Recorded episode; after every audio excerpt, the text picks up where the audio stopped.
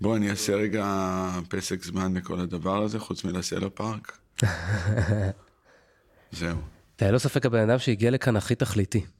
מה זאת אומרת? נכנסת, הנה המיקרופון, איפה אני יושב, זה כאילו יש חשיבת מפיק כזאת, שזה לא in a good way, זה לא in a bad way, זה פשוט כאילו, אני פשוט רואה, רואה את ה- את ההבדלים בכניסות של ה... אני גם הגעתי פשוט, אתה יודע, באתי, היום רביעי זה היום של הילדים אצלי. אז אני כבר שמתי את העוף במרינדה, ואת הזה ככה, ואת הזה כן. אז אתה יודע, זה כאילו, אני מאוד תכליתי, יש לי ימים כאלה, יש ימים שאני וואלכ, אתה יודע, אז איפה אתה סטלן. לא תכליתי? זה תלוי ביום.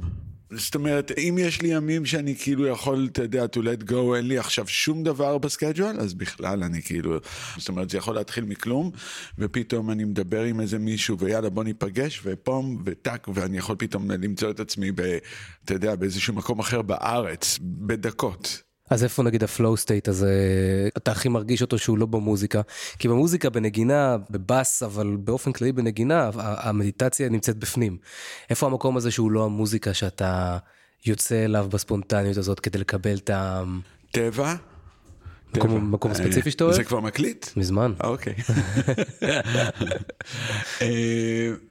בדרך כלל בתקופה הזאת של השנה, מי שמכיר אותי יודע שאסור לתת לי, אני לא יכול שהלוח זמנים יהיה עמוס בייחוד ינואר, פברואר ובייחוד אה, וואו. פברואר, כי אני פשוט הולך לטבע. זה כאילו, אני קם בבוקר ובעשר, אחרי שכל הפקקים אה, כן. עפים, אני יוצא לאחד היערות, זה יכול להיות מגידו וזה יכול להיות צרועה, או כל מיני כאלה, פתאום אני יכול לנסוע לאילת, למדבר, אבל הטבע מאוד חשוב לי. פארק הירקון, לבוא, להחנות ולהתחיל ללכת איזה שעה לצד אחד ולחזור, זה, אם יש לי את הזמן לזה, זה, זה מדהים, זה כאילו, אני מת על זה. זה, כי- זה כאילו הפארק הזה, אתה יודע, אני תמיד חושב שהוא כאילו משווים אותו מן הסתם לסנטרל פארק בגלל הגודל וזה, אבל כאילו יש לו איזשהו... משהו שאתה בא לפארק הירקון, לסירות או להאכיל איזה ברווז והולך, כאילו אין את התפיסה הרבה פעמים של פארק במובן שאתה כאילו הולך לאיבוד בתוך הפארק, גם אם אתה נמצא באותו מקום פיזי שמע, בפארק. פארק הירקון פי מיליון יותר טוב מסנטרל פארק. אני מכיר את סנטרל פארק אולי יותר טוב מאשר אני מכיר את פארק הירקון מכל השנים האלה. סנטרל פארק קשה ללכת לאיבוד, אתה תמיד ליד הרחובות. אני מעדיף את פארק הירקון. באמת, אפשר ללכת, אתה יודע, משם רמת החייל כן. עד לים. כן. כאילו, זה, כן, זה, זה זה. הרבה מרחק. כן. וואו, כן. זה אנחנו לא רוצים בהקלטות שלנו, אבל לא בסדר, נורא, זה fuck לא את זה. משנה.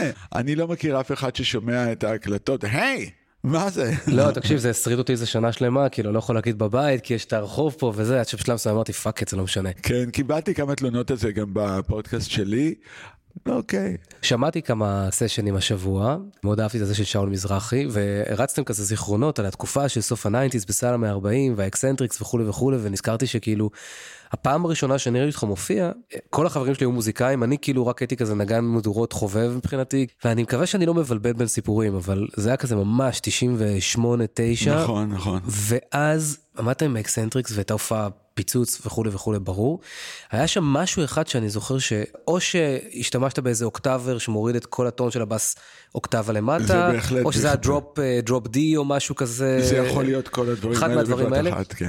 למי שלא מוזיקאי אני רק אגיד בחצי מילה שזה בעצם לוקח את ה bass sound אה, של יוסי או של הנגן בעצם ומנמיך אותו לא. בווליום אלא בטון שזה הופך להיות subby מאוד וזה היה בשבילי כילד בן 17 שראיתי את זה אמרתי כזה וואו can you do that. כאילו לא במובן של כאילו טכנית. אה, האם איך עושים את הדבר הזה? ואז התחלף הפליאה הטכנית התחלפה בפליאה קונספטואלית. מה זה אומר שעומד פתאום בסיסט ונמצא בטון אחר לגמרי? כאילו בחיים לא שמעתי על זה לפני כן ולא ראיתי דבר כזה לפני כן. מאז יש כמה נקודות בחיים המוזיקליים שלך שאני שואל את אותה שאלה can you do that מכניס את הדאב פה בניינטיז בארץ בונה את הזירת ביסטי בויז רג' אגייס דה משין הזאת שנקראת שב"ק סמך הראשון שכאילו what the fuck מאיפה הדבר הזה הגיע. אפשר להגיד לחלוטין the godfather of ישראלי היפ-הופ כאילו בעצם היצירה שלך של הדג נחש לא כלהקה לא כסאונד אלא כ movement כעניין תפיסתי בכלל. ולפני כן אתה יודע מגיע לניו יורק בן 20 וכלום ופתאום חבר של ג'קו פסטוריוס ומנגן עם ביל אמס וכזה can you do that מאיפה מגיע במרכאות כפולות עזות המצח הזו כאילו להיות הבעל הבית הזה כי אתה כל הזמן מדבר גם בראיונות על ה... מי שמנגן בס הוא בעל הבית, תכף אולי נתייחס גם לנקודה הזאת. לגמרי. אבל זה מתחבר לי פה כאילו, בואנה זה בעל הבוסט הרציני מאוד, שנכנסתי פה לתוך החלל של ההקלטה, וכבר יודע איפה הוא יושב. יש איזשהו מנגנון כזה שכאילו אני רואה אותו כזה, taking ownership על הכל, in a good way. אני, קשה לי להגיד את זה, אבל אימא שלי, זיכרונה לברכה, אימא שלי, אמרה לי שמילדות אתה היית מסתכל ומסתכל, ואז היית יודע מה צריך לעשות, והיית מתחיל לייעץ לכולם מה צריך לעשות. עכשיו מדובר על גיל שלוש-ארבע, ואני אפילו זוכר את זה. עשיתי לעצמי טיפול היפנוטי. מה זה אומר? במסגרת הטיפולים שאנחנו הולכים, אתה יודע, יש כאלה שהולכים לפסיכולוג, לתרפיה, לכל הדברים האלה. אני הבנתי שטיפולים היפנוטיים עובדים בשבילי, ולדעתי זה יעבוד בשביל כולם. כי זה ממש להיכנס ל hard drive שלך פה, ולמצוא, לתקתק ממש את ה file כן. ה-corrupted, ואז אתה רואה מה יש בפנים, עושה עליו delete. אבל לעצמך? לעצמך. ואיך זה נעשה? אה, יש שיטה. בקצרה אני אסביר, יש לנו, זה כמו הצ'קות, איפה שהצ'קות נמצאות, יש לנו כאן צ'קת הכתר, וברגע שאנחנו לוחצים על המקומות האלה ושואלים שאלה מסוימת, וצריך להיות מאוד מדויקים במילים, אה, מהו הדבר שמפריע לי, או מהו הדבר שחוסם אותי, או מה עולה לי עכשיו, וזה, זה נותן פקודה, המגע, איפשהו, כל מיני טראומות שלנו וזיכרונות, כולם נמצאים בגוף. וברגע שאנחנו נוגעים במקומות האלה, זה מדליק את ה... זה עושה טריגר לזיכרון, בתת מודע. אנחנו לא יכולים לזכור את הדברים האלה. לפעמים זה לוקח חמש דקות עד שזה יוצא החוצה, ולפעמים לוקח לזה יומיים לעלות. אבל ברגע שזה עולה למעלה, והכל אחר כך שוקע, פתאום אתה מתחיל להיזכר. עכשיו, אני מאוד מפשט את זה כרגע, זה הרבה יותר ספציפי מזה, צריך ללמוד איך לעשות את זה. אני מטפל מוסמך בארצות הברית. כן. לעשות את זה, אני לא עושה את זה לאנשים, אלא אני מלמד אותם איך לעבור את זה לבד. אני הלכתי לטיפולים כאלה של היפנוזה, היפנותרפיה. זה מאוד מאוד מאוד עזר לי להבין המון דברים על עצמי. אז הנה, אני עכשיו מגיע לשאלה, אתה יודע, זה כאילו מאוד רחוק מאיפה הבעלבתיות הזאת. התחלתי לנגן בגיל ארבע. תמיד אומרים לי, הוא כל החיים שלו, מהרגע שהוא נולד הוא מנגן, מהרגע שהוא נולד הוא מנגן, מהרגע שהוא נולד הוא מנגן. ובגלל שרציתי לפתור כל מיני, אתה יודע, אה, מקומות כאלה בחיים, אמרתי, שנייה אחת, עד גיל ארבע לא ניגנתי.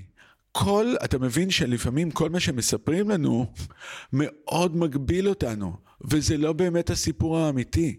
מי הייתי? עד גיל ארבע. השש שנים הראשונות בחייו של ילד או של בן אדם, הן בעצם החשובות ביותר בעצם כן. במישהו. נכון. התחלתי לעשות לעצמי מי הייתי לפני שהייתי מוזיקאי, לפני שהייתי נגן. נו, ומי היית? י- מישהו, דעתן, מרפא. מה זאת אומרת? דעתן מרפא. ממש זה מה שיצא החוצה. ואתה לא- יכול כן, לזכור את זה, את הדבר הזה? לגמרי, לגמרי. ההורים שלי, היה בית מאוד uh, פתוח, בוהמי כזה, אנשים מכל הגזעים, ואני אומר מכל הגזעים, זה כל הגזעים. אבא שלי היה מדריך תיירים. ואימא שלי הייתה זמרת ממוצא קריבי, אז היו מגיעים מי שהיה, מדובר על שנות ה-60, כן. פתאום הייתם וזה מג'מייקה, וזה מאמריקה, וזה מגאנה, וזה היה מכל הגזעים ומכל המינים מגיעים אלינו הביתה, ו- ו- ומוזיקאים מקומיים וכל זה. אני זוכר שהם נכנסים בדלת, והייתי מסתכל עליהם, אני חושב שכמעט כל ילד בי יש בו את זה, אבל אני יודע, לפחות בי היה את זה. הייתי מסתכל על האנרגיה שלהם, את הריח שלהם, איך הם מדברים, איך הם מתיישבים, וכבר הייתי יודע עליהם המון. זה בן אדם קשה, זה בן אדם... אה, אשכרה. זאת אומרת, כן, typecasting בגיל כזה. בגיל כזה. אתה יודע, בגלל, אני חושב שבגלל זה גם שנאתי המון מורים וגננות, כי הייתי קולט אם הם בני אדם קשים או קלים, ואני חושב שהילדים הם אלופים בזה. כן. רק... אה, מכבים להם את זה בדיוק וזה. מכבים להם את הדבר הזה. ובגיל מאוד מאוד צעיר, אני זוכר שהייתי אפילו אומר את זה, אתה יודע, לחברים אחרים, אני אומר, הייתי הולך איתם לראות, אתה יודע, פתאום אה, מוזיקאים, אפילו סתם אה, מוזיקאים, אתה יודע, לא, לא, בלי קשר ל... לסגנון מוזיקה שלהם. הייתי מסתכל על איך הם מנגנים, והייתי מתחיל להגיד לחברים, זה בן אדם כזה, זה בן אדם כזה, זה בן אדם כזה. הייתי מבין משהו באנרגיה של הבני אדם, דרך ה... העמידה שלהם, דרך הדיבור שלהם, דרך ההורים של חברים, זה תמיד היה שם. זה מידת רגישות מאוד מאוד גבוהה, זה דבר שגם, זה מלווה אותך, אני מניח, במקומות אחרים בחיים, הרדאריות הזאת. מאוד. ובמשך השנים, דווקא כשאתה נהיה טינאייג'ר, מצד אחד אתה נהיה דעתן, ומצד שני, הרבה מה, מהעולם אומר לך, אל תשפוט כל כך מהר. זה הרבה יותר מורכב מזה, תן צ'אנס, אתה לא יודע את הכל, אתה לא יודע, והם צודקים. אבל הספק, הטלת הספק הזאתי, באינסטינקטים שלנו, מתחילה בגיל הזה. כן. ואז לאט לאט אתה מתחיל להתרחק מזה, די הרבה שנים. אפילו מוזיקלית, המוזיקה שהרבה מוזיקאים גדלו עליה, פתאום אומרים להם, אה בואנה זה פארש, מה אתה כאילו, אוקיי, מה אתה תנגן רק רוק כבד או רק ראפ? יש דברים אחרים, יש ג'אז, יש כל מיני כאלה, ואז בן אדם מתחיל להתרחק מעצמו, ולפעמים הוא שוכח לחזור למה שהוא אוהב מלכתחילה. הדבר הזה, אני חושב, קרה לי הרבה פעמים עם לתת צ'אנס, תן לזה צ'אנס. ואחרי כמה שנים, אתה יודע, כאילו הבנתי, תסמוך על האינטואיציה שלך. תסמוך על האינטואיציה שלך. אבל אז אתה מגיע בעצם למקום כמו ניו יורק, שאתה מקבל הכלאות של כל סוגי ה... וואו. כאילו איך ה profiling הזה שאתה רגיל לעשות מאנשים יחסית, אני מניח, רגילים בסביבה הרגילה של ישראל, עם כל זה שאתה רואה אנשים מגזעים וללה לה, פתאום אתה רואה את ניו יורק שזה כאילו, ניו יורק מה, באייטיז? כן, הכי מטורפת שיש. מה, זה, זה, זה, זה פריצה מטורפת של ברמה הפוליטית, ברמה התרבותית, אם אפשר להגיד דבר כזה בניו יורק, כי כל שנה יש פריצה אחרת, אבל... כן, תשמע, קודם כל, I was... in awe. ברור, ועוד בן אדם, בן אדם כמוך שמסתובב עם רדארים פתוחים וכזה, oh my god, oh כל מה שאני יודע על לא, העולם. לא, אני חוויתי את כל זה בצורה טבעית, אתה לא מסוגל בכלל, תשמע, זה קרה לי בן לילה. כן. הלהקה שהכי הערצתי, בתקופה הזאת, בשנה האחרונה שהייתי בין גיל 19 ל-20, נקראת בוש רוק. אה. הם הלהקה שמנגנים עם ג'אקו פסטורס ויש להם את הלהקה. משל עצמם. כן. הם מראשוני הגוספל פאנק ג'אזי כזה, אבל אז לא היה לזה את השם הזה.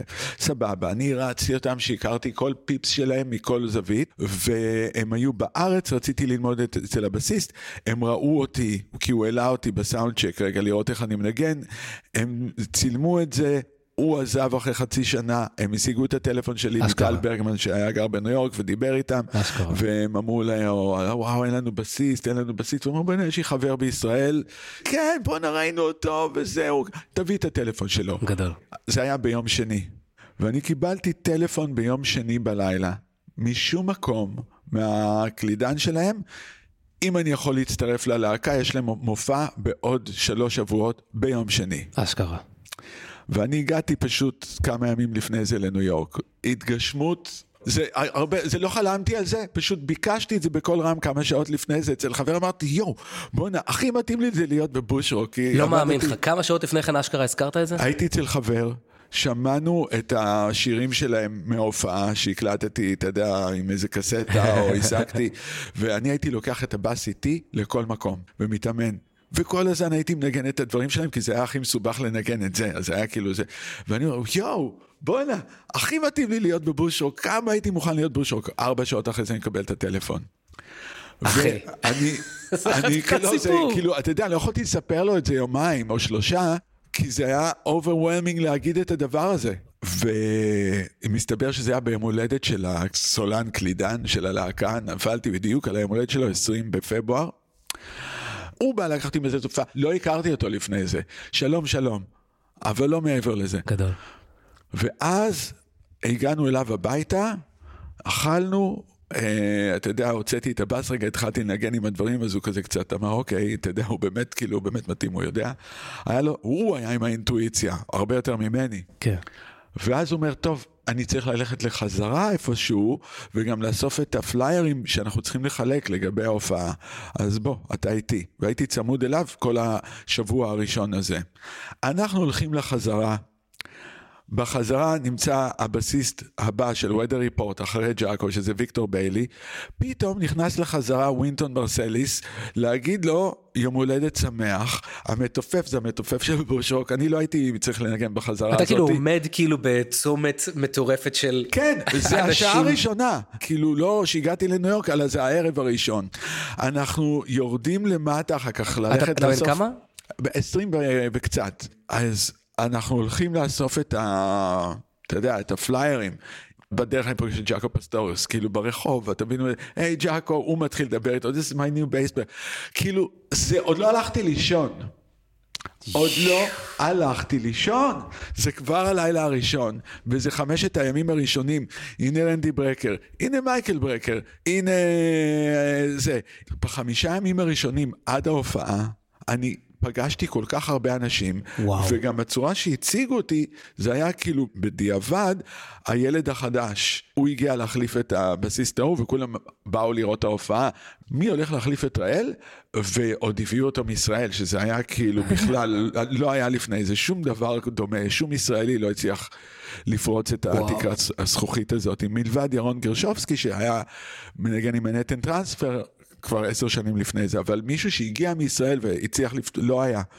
אז אתה עוד לא פרקת מזוודות, זה לא שהגעת לא רק שהגעת מישראל, זה הגעת. מישראל ואתה עוד לא, אתה על המזוודות עדיין. זה לא אה, התאקלם בניו יורק שנה. וכולם, היי מן, היי מן, היי מן, היי מן, היה, בעצם הם היו נפגשים כבר משעה חמש, happy hour, במועדון שבו היו כל ההופעות, שזה 7 Avenue. אז אנחנו היינו אה, מגיעים בסביבות השעה חמש-שש, ויושבים שמה למטה, ההופעות הם היו למעלה, האלה למטה, בדרך כלל נניח יומיים, שלושה ראשונים, ואני כזה יושב, מוציא את הבאס, מתחיל, כי אני לא מכיר אף אחד, זה גם, אתה יודע, זה כמו הסמיכי, אתה יודע, להוציא את הבאס כזה וזה, מתחיל, והנה זה, והנה זה, והנה זה, והנה זה, והנה. זה, והנה זה, והנה זה, זה היה שנה שלמה, והתחלתי לנגן עם המון אנשים, וקראו לי, ואתה פשוט עושה, וואו. כי לא יכולתי להיות יותר מדי... אה, אתה יודע, אני פשוט כאילו ספגתי וספגתי וספגתי, אמ, עד שנהייתי חולה. טסתי לארץ אחרי שנה לשבוע, ופה, זו הייתה הפעם הראשונה שהתחלתי כאילו לעכל את מה כל ש- מה שעבר כי בשנה בעצם הראשונה. לא היה סטופ, לא היה- לא הייתה פאוזה? זה היה, זה היה רן אחד מטורף, וואו. אה, עם הרבה ups and downs. כן. אבל זה היה run אחד מטורף לגמרי. אני חושב ששם בשנים האלה, מיכי בא לי, מי צופית אמר לי, אל תשפוט כל כך מהר ואל זה וזה. אחת שהיא לטובה מאוד, אישה מדהימה מאחורי הקלעים שקוראים לה אניטה אבנס, היא הייתה אשתו של גיל אבנס. גיל. גיל, כן, אוקיי. אני ניגנתי עם גיל אבנס המתזמר, שתזמר את מיילס דייוויס הרבה מאוד שנים. היא אימצה אותי, והייתי בא הרבה פעמים לאכול אצלה ארוחות צהריים וכאלה, ואצלה תמיד היו כל מיני מוזיקאים, והיא אמרה לי, אתה תגיע רחוק, אתה ממש טוב. אמרתי לה, איך את יודעת? היא אמרה, כי אתה דעתן. וואלה. because you're very opinionated. על, על מוזיקה, על אנשים, זה. ואז, הנה הצד השני, נדלקתי על איזה מישהי. אה, נו, ברור. והמישהי הזאתי הייתה עשר שנים מעליי. אוקיי. בסיסטית אה, רוק כזאת וזה, והיא הייתה, אתה יודע, כאילו, בת 32, אני הייתי בן 20, אז בשבילי היא הייתה, כאילו, אני לא האמנתי שהיא בכלל שמה לב אליי, והתחלתי להיות איתה, והיא, אני הייתי המורה שלה בעצם קצת כן. לבאס, כן. היא ידעה לנגן דברים בסיסיים. אז הייתי אומר, בואנה, זה, אולי אני לא אוהב איך שהוא מנגן, זה כן טוב, זה לא טוב, ואז אחר זה וזה. היא אומרת לי, Oh, you're so opinionated, you got to open your mind. אתה יודע, והייתה כאילו מורידה ומורידה ומורידה. וזה לא משנה, אני לא מאשים אותה, ממש לא. אלא מה שקורה זה פתאום, אני כאילו אומר, וואלה, נכון, אני צריך רגע הרבה יותר, אתה יודע, כן. להיות פתוח כן. בגילאים האלה. אני חושב שכולנו עוברים את זה. כולנו עוברים את הדבר הזה, שהעולם אומר לנו פתאום, רגע, שנייה, מה אתה שופט כל כך מהר? זה הכאפה הזאת שאתה מקבל, שאתה מבין שאתה לא. כזה חכם, שאתה לא כזה יודע, ובמקרה שלך נראה לי שזה גם יותר קשה, כי אתה באמת היית כבר עם הישגים לא קטנים, זאת אומרת, אני יכול לנחש כאילו, אתה יודע מה, עזוב לנחש, אני אשאל אותך, מה זה עושה לנפש של בן אדם בן 17-18 לדעת שהוא כל כך טוב? זאת אומרת, איך אתה, הצלחת לשמור על איזושהי מידה מסוימת של, אתה יודע, של ארציות בתוך הדבר הזה? אני תמיד רציתי להיות יותר טוב. אני תמיד, אה, אז, אז אני ידעתי שיש הרבה יותר טובים ממני, אם, אם לא באזור המיידי שלי, אז בניו יורק, כן. ובגלל זה התחלתי ללכת עם הבאס עליי. כי הבנתי שהנגנים הטובים ביותר מתאמנים כל היום. אז אמרתי, טוב, לפחות אני אתאמן כל היום. בבית אצל חברים, מול הטלוויזיה, אה, אתה יודע, הייתי די-ג'יי, של uh, היפ-הופ ודנס הול של תחילת שנות ה-80, הייתי שם את התקליט והייתי ממשיך להתאמן. אשכרה. כן. וואי, כן. זה, זה כמו הסיפור של הנדריקס עם החביתות. הוא הופך חביתות תוך כדי שהוא... אה, וואלה? כן, כן, אבל יש לו לא סיפור כזה זה. שהוא היה מטגן חביתות, והוא מכין, איזה משהו במחבת, אתה יודע, הוא עושה את מה שצריך על המחבת, וכאילו עם הסטראט עליו, וכאילו... לגמרי. אז אני הייתי ממש מהזן הזה, אתה מבין? אז זה אחד, ולא משנה מה, אני ידעתי שבחוץ, אתה יודע, אני, שאני אגיע לניו יורק, וידעתי שאני אגיע לניו יורק, שמה זה הדבר האמיתי, ואני כאילו, I ain't shit. אני רוצה אבל להיות בליגה הזאת. אתה יכול להגיד איך קרה שאתה מחזיק גיטרה בגיל ארבע? זאת אומרת, יש איזושהי הכוונה מבית? לא, הגיטרה תמיד הייתה נמצאת על הספה. ואבא שלי היה מנגן פלמנקו וכאלה דברים, חובב, אבל אה, פלמנקו ופולק. ואני הייתי חוזר מהגן ותופס את הגיטרה כמו קונטרבאס כזה ומתחיל לשיר ואתה יודע, וסתם לחנטרש. כן, כן. אז הוא יום אחד אומר, עזוב, בוא אני אראה לך רגע. זה מי מינור. לה מינור, רה מינור, מי מז'ור, לה מז'ור, רה מז'ור, סול, דו. היה לי את. האקורדים האלה. סע. בדיוק, ואומר, והנה בוא אני אלמד לך שיר ערב של שושנים. כי זה שלושה אקורדים. כן.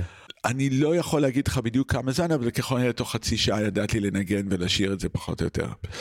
אחרי זה, זה פשוט היה במשך השנים, אתה יודע, בייחוד גיל, לדעתי, משבע, שמונה, מהרגע שהייתה להקת כוורת, זה היה מבחינתי, אתה יודע, הפעם הראשונה שהתחלתי באמת לשבת וכל היום לנגן, אני פשוט הייתי, להקת כוורת, אני חושב שזה, אם היה לי מורים למוזיקה, אז אני יכול להגיד זה להקת כוורת בזמן אמת. הייתי הולך לראות אותם בהופעות בתור ילד, עם ה... בהתחלה, אתה יודע, ההורים לקחו, ואחרי זה הייתי אפילו הולך לבד בגיל תשע, עשר, כל מיני כרטיסים, אה, וואו. מול יצחק קלפטר. אני פשוט הייתי, אני אין, אני כל כך אהבתי אותו, כל כך הרצתי אותו, וזה עוד משהו שזה אינטואיציה של ילד, אתה מבין? כן. תראה, יש את כל כוורת, נכון. ואני כאילו מפוקס רק על יצחק קלפטר. אתה יודע להגיד מה, מה בקלפטר עשה את זה? אני לא יכול להגיד את זה בדיוק, אבל uh, שנים אחרי זה, אתה יודע, אני זוכר פעם אחת הוא נכנס לאיזה ג'ם, היה מועדון קאמלות לפני הזאפה. כן, הוא ברור. הגיע מאוחר, נכנס לאיזה ג'ם, התיישב, הוא היה אורח באיזה מופע בלוז כזה וזה, הוא התיישב לנגן, אנשים התחילו לבכות. אשכרה. ויש את השיר הזה, יום שישי, של הדג נחש, יום שישי הגיע. כן. וקראנו לו לנגן את זה. יש את, ה, את הסוף הזה בדיוק של הקליפ, גם אצלי על הוול בפייסבוק ואצלהם, והוא ניגן את הסולו, ואני יושב בדיוק במרחק הזה, אתה יודע, מהצד השני של המחשב, והוא ניגן את ה... עשינו מין כזה ג'ם בסוף השיר, עד הסוף הם ניגנו, והוא מנגן, מנגן עד הסוף. ואני לא יכולתי לשלוט על זה, כאילו הוא גומר, אז אני עושה כזה, ש... לוחץ סטופ, שם רואים את הסוף של הצילום. אני קמתי, יצאתי מהחדר, התחלתי לבכות, כאילו, אשכרה. לא לבכות כזה, אלא פשוט להתחיל לנגב את העיניים. כן. אני לא מכיר עוד נגן כזה. אין. אני לא מכיר מישהו שגורם לי לבכות ברגע שהוא מנגן. גם היום? אני עד היום. אולי, אולי סטיבי וונדר, אני לא יודע מה, אבל אני מדבר איתך כאילו, הוא, הוא, הוא, יש בו תדר. כן, יש בו תדר. יש בו תדר, עובדה שילד הצליח לקלוט. אתה יודע מה? שהיה מופע האיחוד האחרון של כוורת בפ- בפארק הירקון. ואני לא מוריד, אתה יודע, כן, את כן, השירים ברור. של אף אחד, יוני רכטר, אתה יודע, כאילו עושה, אתה יודע, כאילו זה וואו. כל השירים שלהם מדהימים, אבל ברגע שקלפטר יושב ועושה את השיר שלו, הקהל מתנהג אחרת, הם כולם נהיים ילדים קטנים, והם כולם מתחילים להתרגש ולבכות, ויצחק, אנחנו אוהבים אותך, ובסוף כולם צועקים, אתה יודע, יצחק, יצחק. הוא בא להתארח בהופעה של הדג נחש, בברבי, אחרי שעשינו את ההקלטות האלה, ואז הוא עושה את אחד השירים שלו, יכול להיות, אה, אתה יודע, אה, יא יא יא יא שיר יא אהבה יא בדואי, יא, כן. בדיוק.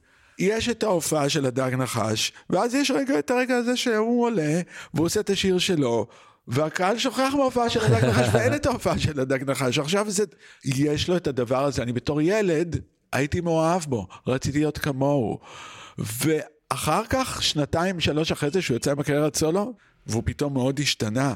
אני בכלל הרצתי אחרים משם, אפרים שמיר ויוני רכטר, אתה יודע, אבל התדר של יצחק קלפטר הוא, מא... ואני חושב שאנשים הרגישו את זה דרך התווים שהוא ניגן, וזה לא כמה מהר הוא ניגן, זה משהו באצבעות שלו, ואני חושב שאנחנו לגמרי לגמרי כאלה כולנו. זה אפקט הג'ורג' אריסון במקום מסוים. מאוד מאוד כזה... יכול להיות, נכון. כאילו ב... אנחנו מרגישים את הבן אדם מעבר לתווים שלו, ואנחנו מרגישים את הבן אדם מעבר למילים שלו. ואנחנו מרגישים את הבן אדם מעצם, לפעמים איכשהו בטון שלו, במשהו. יש שנים שאנחנו מתכחשים לדבר הזה, כי אנחנו לומדים גם, אנחנו רוכשים הרבה מאוד כלים אחרים. מתכחשים למה? לאינטואיציה. זה שנות ה-20 שלנו, איפשהו אנחנו הולכים למ... לרעיון עבודה, אנחנו באוניברסיטה, אנחנו פתאום יוצאים לעולם האחר, אז אנחנו נמשכים לאנשים מסוימים, ואז אנחנו אומרים, וואו, בואנה, איזה טעות. אבל יש הרבה אנשים שיצאו למקום הזה שמכבה להם את האינסטינקטים, את האינטואיציה, אבל מעולם לא חזרו להרגיש אותה. מאוד נכון. אתה, ואני אשמח שתספר רגע כמה מילים על זה, גם על העניין הזה של, שלמדת לימודי קואוצ'ינג בארצות הברית. תפקיד של מאמן זה בדיוק להחזיר את הבן אדם למקום הזה של uh, how do you find your soul again, איך אתה מוצא את ה... או במילים של בסיסטים, את ה-root note, שאחרי זה יקבע את כל ה... מהו את... הדבר, במילים אחרות שלמדתי להגיד אותם היום, מהו המקום שגורם לך לזרוח? כן. שבו אתה זורח. האיקי גיא היפני. או, או, או, או זורחת. אבל שביום שאני עושה את זה, או שאני עושה את זה, פתאום הוא מתחיל לחייך. מהו הדבר שאתה הכי אוהב לעשות, במה אתה היית, אם לא היה את לא כל היית... הדבר, בדיוק. אז אם לא היית מוזיקאי, אז מה זה היה, הדבר הזה? מטפל. אמ, אבל זה לא מטפל ש... אלא זה מטפל בדיוק, אני חושב, שגורם לאנשים להגיע למקום ה... במה הם הכי טובים, ואז יאללה, לכו על זה. אין לכם זמן, מתים מחר. כן. אתה יודע, כאילו, תעשו את זה עכשיו, אל תבזבזו את הזמן. אבל למה אכפת לך? כי אתה יודע, אני יכול להבין למה זה אכפת לך לגבי עצמך, אבל למה שבן אדם... כי אני חושב שאם הם יהיו מבסוטים, אז האווירה בחדר תהיה הרבה יותר טובה, והאווירה בכביש תהיה יותר טובה, והאווירה בכל מקום תהיה יותר טובה. אין דבר יותר כיפי מלהיכנס לחנות שהמוכר שמח. כן. אם אתה נכנס לאטליז והקצב מחייך ושמח, ואתה אומר, תגיד לי, איזה בשר הכי טוב היום? הוא אומר לך, בואנה, זה! כן. אתה אוטומטית יותר שמח לקנות את הנתח הזה, מאשר... לא יודע, קח את זה ואת זה ויאללה, כאילו, אתה יודע, או זה לא משנה באיזה חנות אז אתה רואה, התפקיד, אתה רואה את התפקיד שלך פה כמאמן, נגיד, לזרוע את השגרירי וייב האלה? זה הסיבה שאתה עושה את זה? זה כבר, אני לא חושב על זה כבר ככה. אני, אני פשוט, זה, אתה יודע, זה מה שאני אמור לעשות. אז זה, זה מה שאתה אמור לעשות? ככל הנראה, כן. כי אתה הנראה. מכלה 24 שעות כנראה על, מו, על מוזיקה. לא, לא, לא, לא, ממש לא. אז תספר לי. אמ, אני לא יודע על מה אני מכלה 24 שעות, אבל, וזה לא כל הזמן ככה, ויש לי הרבה אה, עליות וירידות. הן לא עליות וירידות קיצוניות. עליות וירידות במה? בעיסוק המוזיקלי? כן. ב- ב- אוקיי. יש תקופות, עכשיו חודשיים לא נגעתי במוזיקה. לא אשכרה. נגעתי, לא נגעתי במוזיקה, אני פשוט לא רציתי, הייתי גם, נתתי לעצמי להיות חולה אחרי שאתה יודע, שנה. לא נתתי לעצמי להיות חולה. שזה אגב דבר מאוד בעל הביתי להגיד, כאילו יש אנשים שנהיים פשוט חולים. אני נהיה חולה. כן. אני פשוט נהיה חולה. אתה אומר כזה, לא, לא, לא, לא, לא, לא עכשיו.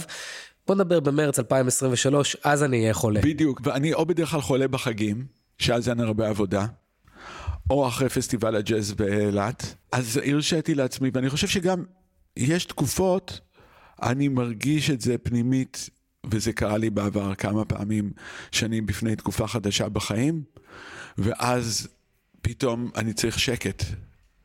אני לא יכול להתעסק באותם דברים שאני התעסקתי.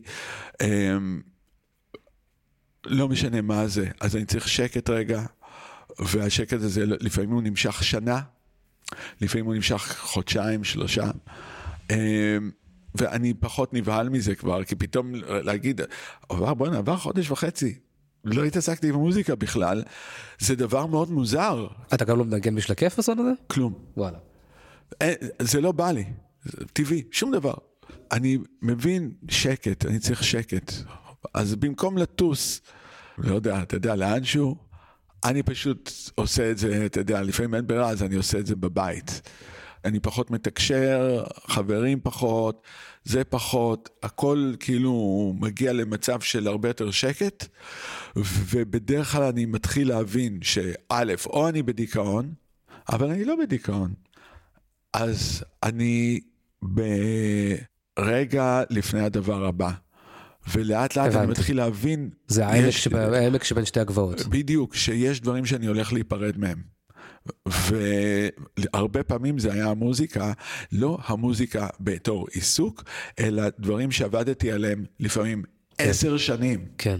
ופתאום זה לא, אני זה- מבין שזה כאילו, רגע, זה היה טוב לעשר שנים ההם, שהיו עד עכשיו, זה לא מתאים לי לעשר שנים הבאות. זה לא ייקח אותי יותר לשום מקום. אני אתן לך דוגמה, אבל זה החלטה רציונלית, מה שאתה אומר. כאילו זה נשמע החלטה מתכננת. זו החלטה מתכננת שהיא נובעת מהלב.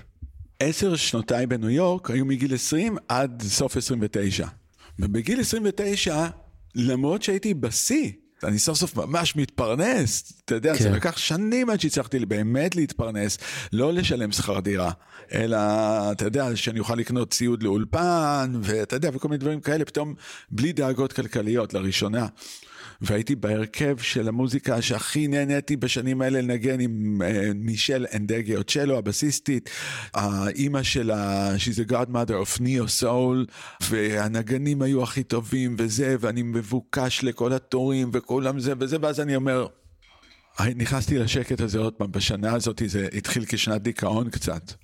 כי אני אומר, וואו, בואנה, מה, מה הבעיה? כאילו, הנה, אני בגיג הכי, הכי טוב, אני כאילו, הכל סבבה, משהו פה לא עובד לי. כן. והלכתי לסדנאות של אה, מודעות עצמית וזה וזה, וזה יצא שאני רוצה לחזור לארץ. וואלה. כן, התעייפתי, רוצה לחזור לארץ. זה הגעגועים למשפחה, בית, חברים, סצנה תרבותית, טה-טה-טה, או שזה הטירוף של ניו יורק? זה הגעגוע אליי. אני לא הבנתי את זה בדיוק אז, אבל, אבל זה היה געגוע אליי. אני לא טיפוס שאוהב במיוחד לנסוע באוטובוסים בטורבס, בוא נגיד 150 ימים בשנה, 12 שעות ביום, זה לא אני. אני ממש לא אוהב את זה. זה לא גומר אבל את כולם מתישהו? כאילו זה מתי... כן, אותי זה, אבל הם זה לא מעניין, מעניין אותי, אותי מעניין. הסף אה, סבל שלי בקטע הזה היה נמוך. אוקיי? הוא היה נמוך אה, יותר מאשר שאר חברי הלהקה. אוקיי. אני כאילו מתחיל באוטובוס לחשב, אני אומר, fuck, אני ב-150 מיטות שונות בשנה, אני לא רוצה את זה. אני 150 סאונדצ'קים בשנה, אני לא רוצה את זה. אני ב-150 הופעות בשנה, אני מאוד אוהב את זה. 150 הופעות זה רק שעה הופעה, אני לא מוכן של 23 שעות. כאילו, אז השעה ההופעה הזאת, זה מה שאני באמת זוכר, וזה כאילו הכי כיף בעולם, אבל זה באיזשהו שלב לא היה לי שווה את זה, והתוצאה הייתה שכאילו... אני הייתי, השעות ה down היו הרבה יותר גדולות משעה אחת של up. כאילו היא כיפרה הבנתי. על הרבה שעות של down, אבל, אבל אמרתי, אוקיי, הנה, אני בן 29, מה קרה לאנשים שעשו את זה, שהם עכשיו עשר שנים מעליי? זה דבר שאני תמיד עושה. זה בא לי טבעי, הרבה לפני שלמדתי אימון. הסתכלתי על כל הנגנים, כשאני הגעתי לניו יורק, הם היו פחות או יותר בני 30-32, הם היו בשיא שלהם, של הביקוש, הם ניגנו, לא יודע, עם סינדי לאופר, ועם, עם, אה, אתה יודע, עם מדונה, ועם כל ה... יודע, כוכבות ו- התקופה. וכוכבי וכוכבות התקופה, בוב דילן. ובג'אז, אתה יודע, בג'אז הוא יותר חסר גיל, אז זה קצת יותר... אה, כן. זה, אבל... ואז אני הגעתי לניו יורק, אתה יודע, למועדונים האלה, והכרתי את אותם, כי הם היו מסתובבים בערבים במועדונים האלה וזה, והייתי כזה, יואו, בואנה, הוא מנגן עם זה, הוא מנגן עם זאתי, וזה, והנה הגיטרסט של מדונה, וזה. ואז פגשתי אותם באמצע, אתה יודע, נניח כמה שנים לפני זה באולפנים, בהקלטות, הוא כבר לא מנגן עם מדונה, זה היה רן אחד של שנה, שנתיים, שלוש. הוא בן שלוש, אז הם נהיים פתאום בני 39, 40, ואני מסתכל עליהם, והם עושים, במקרה הטוב, עדיין טורים שכאלה, כן. אין להם אלבום סולו משל עצמם, ואם יש, אז זה, זה, אתה יודע, אבל הם נגנים של. כן. הם תמיד אומרים, אני רוצה להפיק, אני רוצה להפיק, אני רוצה להפיק, אבל, אבל אבל לא. אותך עכשיו, שאתה בסוף שנות ה-30, עכשיו אתה כבר לא יודע איך להפיק, כי אתה צריך להיות מחובר לצעירים, ממש. כן. אה, ראיתי את זה קורה, תמיד אומר, yeah, I'm working on my solo album, uh, I'm about, I want to produce, אתה יודע, אז הם מפיקים דמואים לאנשים. הסתכלתי על כל הזה, ראיתי הם לא נשואים, אין אה, הבנתי. משפחה, אין ילדים, ואם יש אז הם לא רואים. אה, וואלאק, לא דיל שאני רוצה לקחת לסוף שנות ה-30 שלי, אני צריך. לעשות את ההחלטה הזאת עכשיו, בגיל 29 לחתוך. תשמע, זה חתיכת החלטה, כי אתה מדבר על מה, אתה נוגע פה בשיא מטורף שאנשים ב, היו מתים להגיע אליו, ואז אתה אומר, אתה יודע מה, לא מתאים לי, כאילו קשיבות לגוף ולנשמה ברמה לא סטנדרטית. כן, אבל תשמע, כאילו זה לוותר על, דקה לפני כן לוריד, שנייה לפני כן אה, דיוויד, בוא, כאילו, וואט? כן, זה תוך כדי. אני זוכר את היום של ההחלטה, אבל החודשים שקדמו עד להחלטה, זה תמיד נבנה, לא כן. היו קלות. כן, כן. אתה מבין, הזמן, לא, הימים לא היו קלים בכלל. אני כאילו הולך וכאילו, אתה יודע, זה יושב לך בגוף, אתה, מה אני צריך לעשות, מה אני אעשה וזה, ויום אחד פתאום זה כזה. אני חוזר לישראל. אז בוא נשאל אותך רגע שאלה על הדבר הזה, כי אתה חוזר לישראל וזה מצטייר מהצד שאמור היה להיות, כמו חתיכת נקודת מפנה, לא רק בקריירה, אתה כאילו כבר, זה כבר לא ה landscape הניו יורקי, זה כאילו סלמה. ויש לזה, אפילו, כן, ב- סלמה. ובדיוק, ובדיוק כמו הכיוון ההפוך, שזה כבר לא סלמה אלא זה downtown מנהטן, לא חושב שעשית downgrade, אבל איך הרדוקציה יפה. של הכל נספגת אז במקום הנה הזה. הטעות שאמרתי לפני שנייה, אני חוזר לישראל. ואני החלטתי באותו רגע שאני לא אומר אני חוזר לישראל. אמרתי, אני ממשיך לישראל. הבנתי. אוקיי? כי התחילו, העניין, מה הייתה בהחלטה? אני חוזר לישראל, אבל זה רק חלק מההחלטה. ההחלטה, אני חוזר לישראל ואני אהיה מפיק. זאת אומרת, בתוך הדבר הזה היה כבר את הצעד הבא אני של לא חוזר להיות נגן. להיות נגן. כן. כי נורא קל היה, וואלכ, אני חוזר לישראל, אני הנגן הכי מבוקש. ואז כל ההפקות יגידו, בוא. אמרתי, אני לא נכנס למקום הזה. אני לא יכול עכשיו לרדת מזה, להיכנס להסעה שאתה יודע, בפזנון, להגיע להופעה, אתה יודע, בקריית מוצקין, במקרה הטוב, ולחזור עם בערב. כל הכבוד. לקריית לא, מוצקין כאילו, ו- לא, אבל, לא, אני מבין, אתה מבין, ברור, ברור, אני לא יכול לחזור אחורה. אתה יודע, הייתי בוומפלי, אני לא יכול לחזור אחורה. וזה לא מזה שזה לא טוב, אלא אני לא יכול לחזור אחורה, זה, זה, זה יוריד אותי. זה יציאה מאזור הנוחות שלך להחליט שאתה הולך להיות מפיק, או שזה כבר היה לך משהו שהוא... כן, אני מכיר את היכולות שלי, אני על זה לא בקטע הזה. התחלתי, כבר באתי לארץ, הפקתי את להקת פורטרט, את הפורטרט דפנה האחרון. הרמוני ואת נייג'ל האדמו"ר. את חומוס מטמטם. את חומוס מטמטם. והבנתי שמה שוואלכ בואנה, צברתי קצת ניסיון, זה היה טעימות מעולות לעשות, מה, מה כן לעשות, מה לא לעשות. כן. וזה היה בחופשים, שהתחלתי לקחת חופשים ארוכים, פתאום לקחתי חופשים של חודשיים שלושה מניו יורק, שזה... הבנתי. ה- זאת אומרת, אתה כבר יודע, שתלת כאילו- את ה- שתלת כבר את ישראל, בדיוק. literally שתלת כבר את ישראל פה. ואת עצם היותי מפיק ולא נגן. כי בפורטרט זה היה להקה, לא ניגנתי. נייג'ל האדמו"ר, למרות שניגנתי, אבל זה פתאום היה להתעסק, אתה יודע, עם, עם, עם תכנותים ו- וסמפלרים וזה, ו... אבל הבנתי שזה הכיוון שאני רוצה. ואז במקרה, אתה, זה לא במקרה אפילו, פתאום היה שב"כ סמך, כי ככה זה, אתה יודע, ברגע שאני... הקדמתי את הגעתי לישראל בגלל שהתחלתי לעבוד עם שב"כ סמך, כאילו אולי הקדמתי את זה בשבועיים, אבל היה לי פתאום דדליין.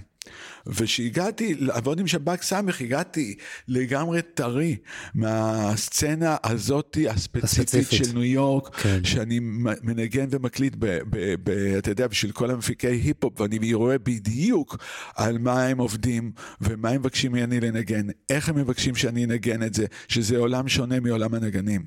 ואז פתאום באתי, ושב"כ סמך הם ילדים בני 17-18, אני יכולתי פשוט... אוטומטית, אתה יודע, או בשנייה אחת להגיד להם ככה, לא ככה, כן ככה, לא ככה, כן ככה. ובגיל הזה, זה הגיל הכי טוב לתפוס, כי הם ממש מקשיבים. הייתי אומר להם בחזרות מסוימות, את הקוצרים של הצלילים, אתה כן. יודע, כל המיוטים שצריך, כל הדברים כן. האלה, וזה חזרה הבאה, הם היו מנגנים את זה פרפקט. הם בגלל זאת אומרת שהם שמראש היו- הם כבר היו נגנים טובים הם. היו נגנים טובים, אבל בייחוד ילדים בגילאים האלה, אתה תגיד להם משהו, והם פעם הבאה באים אליך, המצב התקדמות שלהם הוא, הוא כל כך הרבה יותר מהיר מאשר אלה שעושים את זה בגיל 24. כן. ככה זה, המוח בגיל 24 די נסגר. ומה שאנחנו לומדים עד גיל 24 הוא, ה, הוא הדבר העיקרי. ואחרי זה אנחנו רק מתרגלים, מתרגלים כל את הזמן, ה- כל לתחזק הדברים את. העניין הזה. אז, אז פתאום להקה לתפוס אותם לפני צבא, היה, אני חושב, אחד הדברים המבורכים. אבל אתה מרגיש שזה נקודת מפנה ברמה הרגשית עבורך? כאילו מעבר לעיסוק המקצועי? כן, פתאום הפכתי להיות אה, גם המבוגר האחראי מהצעיר, זה מדהים. עד אותו יום שחזרתי לישראל, אתה הילד בחבורה? אני בדרך כלל הצעיר בחבורה, חוץ מאשר בשנה האחרונה, פתאום לא הייתי הכי צעיר בחבורה, אבל, זה, אבל אני בין הצעירים בחבורה, ואני הנגן, יש מי מפיק, יש אה, זה וזה, ופתאום ביום אחד אני נדרש להיות, ה, ה, אתה יודע, המבוגר האחראי, המדריך נוער הזה, אתה כן. יודע, ומשם, כן, זה פשוט, זה נהיה העבודה שלי, זה נהיה הטייטל שלי, ואני לוקח את זה עכשיו הרבה שנים קדימה, במסגרת אה, משבר, אתה יודע, בחיים שחוויתי באמצע שנות ה-40 שלי, אה, התחלתי להתעניין בספרים, איך לעזור לעצמי. עד שהגעתי לספר אחד של אה, דוקטור אחד, דוקטור מייקל ג'יי דקט, ויש לו ספר נקרא Mental Codes, והוא מלמד איך לעשות את ההיפנוזה העצמית. אחרי שקראתי את הספר ועשיתי את התרגילים, הייתי ב... רגע, דוד, מה היה פה? הצלחתי פתאום להגיע למקומות שעד היום אף אחד לא, שום פסיכולוג ושום, אף אחד בכלל לא מתקרב לזה, ואני הצלחתי בשבועיים לגעת אה, וואו. במקומות אוקיי. שבתת מודע ובזיכרון שהם כאלה. איך אני, אה, אני רוצה ללמוד אצלו. שלחתי, אתה יודע, ראיתי את ה website, שלחתי הודעה מתי שיש לו סדנה, שעה אחרי זה הוא מרים אליי טלפון, אני לא מאמין שזה הבן אדם מרים אליי טלפון, הוא אומר לי שלום, אה, וזה, השארת פה הודעה ב website, אה, מה אני יכול לעזור לך? אני אומר, דוקטור, קראתי את הספר שלך, זה הכי מדהים שבעולם, אני רוצה ללמוד את זה. הוא אומר, אני לא מלמד את זה כרגע, אבל אה, אני מלמד להיות coach. אם אתה רוצה להיות life coach, אז תבוא, תלמד אצלי את הדבר הזה. אני, יש לי שיטה מאוד אה, מסוימת וזה, ואני מלמד את זה. ואז אני, הוא מסביר לי, life coach זה לקחת מישהו, לשאול אותו מלא שאלות, מה הוא אוהב לעשות, איפה הוא רוצה להיות, איך הוא היה רוצה שזה יקרה, כל הדברים האלה. ולתת לו תוצאה משופרת של עצמו. כן. ב vision. שזה מפיק, לתת לו- בעצם. בדיוק. ואז אמרתי לו, אני עושה את זה מוזיקלית כל הזמן. אתה יודע, אני לוקח להקות או אומנים שנמצאים ברמה כזאתי, בסוף האלבום הם נשמעים משהו בליגה אחרת, ואז הם נאלצים לחקות את זה, והם נהיים כאלה. לא רק זה, זה כי זה מפתה לחשוב על זה שכאילו אתה עושה את זה בצד המוזיקלי, אבל ברגע שאתה אומר למתופף שב"כ סמך, כאילו, תפסיק לשאול אותי שאלות ותחליט אתה על הגרוב, או תחליט אתה על הטמפו, אתה בונה אותו פרסונלית, זה כבר לא, זה להיות לידר של הקראפט שלו, זה בכלל לא קשור למוזיקאי עצמו. נכון. אז, אז זה בדיוק מה שאחר כך יוצא עם אנשים, כאילו, תפסיקו לקבל כל מיני, אל תשאלו אחרים, כאילו, כדאי לי לעשות את זה או לא כדאי לי לעשות את זה? זה טוב או לא? מה אתה חושב? מה את מרגישה? אם זה באמת כזה חזק, לכי על זה, אל תשאלי יותר מדי. אל תשאלי, רק את יודעת. את צריכה לחיות עם התוצאות האלה בסוף. לא החברה שלך ולא אימא שלך, את. זה הגישת no fear הזאת, שכאילו יש אותה throughout כל מה שאתה עושה בעצם. וזה זה לא שזה... הפחד, החשש תמיד קיים. אבל מה זה להיות אמיץ? זה להתגבר על הפחד, לעשות את זה למרות שאתה מפחד. אם אתה... וזה למדתי מהדוקטור הזה, ממייקל ג'יי דקט, כן? זה לא, יש לו פשוט כאילו ספר, Overcoming Fear. אוקיי. והוא מסביר, חייל, כי הוא היה הרבה שנים בצבא הברית, הוא אומר, זה לא שאתה לא מפחד, חייל שעכשיו אומרים לו רוץ ותירה, הוא מת מפחד, כל העצמות שלו מרחפות מפחד, אבל הוא מתגבר על הפחד והוא עושה את זה. אז מה אתה עושה כשאתה, אתה ספציפית, עזוב מה שתגיד לאנשים אחרים, מה אתה עושה ספציפית שיש, הרי יש בוודאות פחדים שמשתקים אותך. איך אתה בסופו של דבר עושה את הטרנזישן לצאת מהמקום הזה? זה הבשלה, זה שיחות עצמיות, זה, מה זה? זה צעד צעד. זה צעד צעד, אתה יודע, אני מתחיל ללכת לחימון הצעד הזה, נפגש עם אנשים, שאני מתחיל להתייעץ, אה, נניח בוא נגיד אם אני רוצה לעשות אה, פודקאסט. כן. אז אני מתחיל להתייעץ איתך, איך אני עושה פודקאסט, איך אני עושה את זה, ואז אתה אומר, וואלכ, אתה מתחיל עם זה, אתה עושה את זה, זה לא כזה נורא, אם אתה רוצה ככה, ככה, אני אומר, וואלכ, בואנה, לא כזה נורא באמת, ויאללה, בוא נתחיל לעשות את זה. אז זה תמיד יתחיל אצלך באנשים? אנשים או מעשים, כאילו אני מתחיל לעשות אה, משהו, אז אם אני מבשל את הפעם הראשונה של איזשהו תבשיל, כי אני מאוד אוהב לבשל, אז אולי הוא לא יוצא כזה טוב, אתה אוקיי, מבין? ברור. אבל אני מבין כאילו איך לתקן את זה אחר כך. ובפעם העשירית, אני כבר, אתה יודע, וואו, אני כבר מתחיל לעשות את זה הרבה יותר טוב. אז זה צעד צעד. הצעד צעד הזה זה רשימה בעצם של ניצחונות קטנים, כאילו זה בסופו של דבר התחושת מסוגלות עצמית הזאת, זה small victories כאלה. מה שמעניין אותי לדעת בהקשר הזה, זה דווקא בעבר שלך, הרי אתה יודע, כולנו הרי מדברים על זה בעולמות האימון, כולנו בסופו של דבר אה, דפוס תבנית מולדתנו, לא לא לא לא. מה אתה מרגיש שהוא איזושהי אמונה שהבאת מהבית, שהצלחת לעשות לה ריברס של 180 מעלות ושינתה אותך? יש כזאת? לא חושב שיש איזה משהו כזה מהבית, ההפך. אבא שלי, הוא תמיד אמר, וואלכ, אתה יודע, וזה, לא לפחד, לא לפחד. תמיד היה אומר לי, אל תפחד, אל תפחד, אל תפחד, כאילו.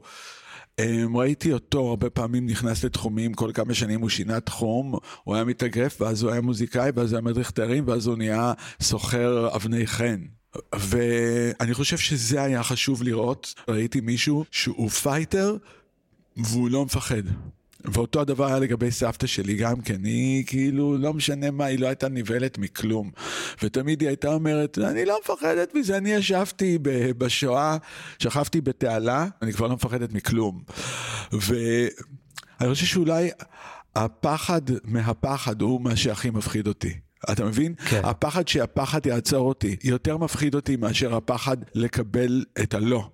זה פחות מפחיד אותי.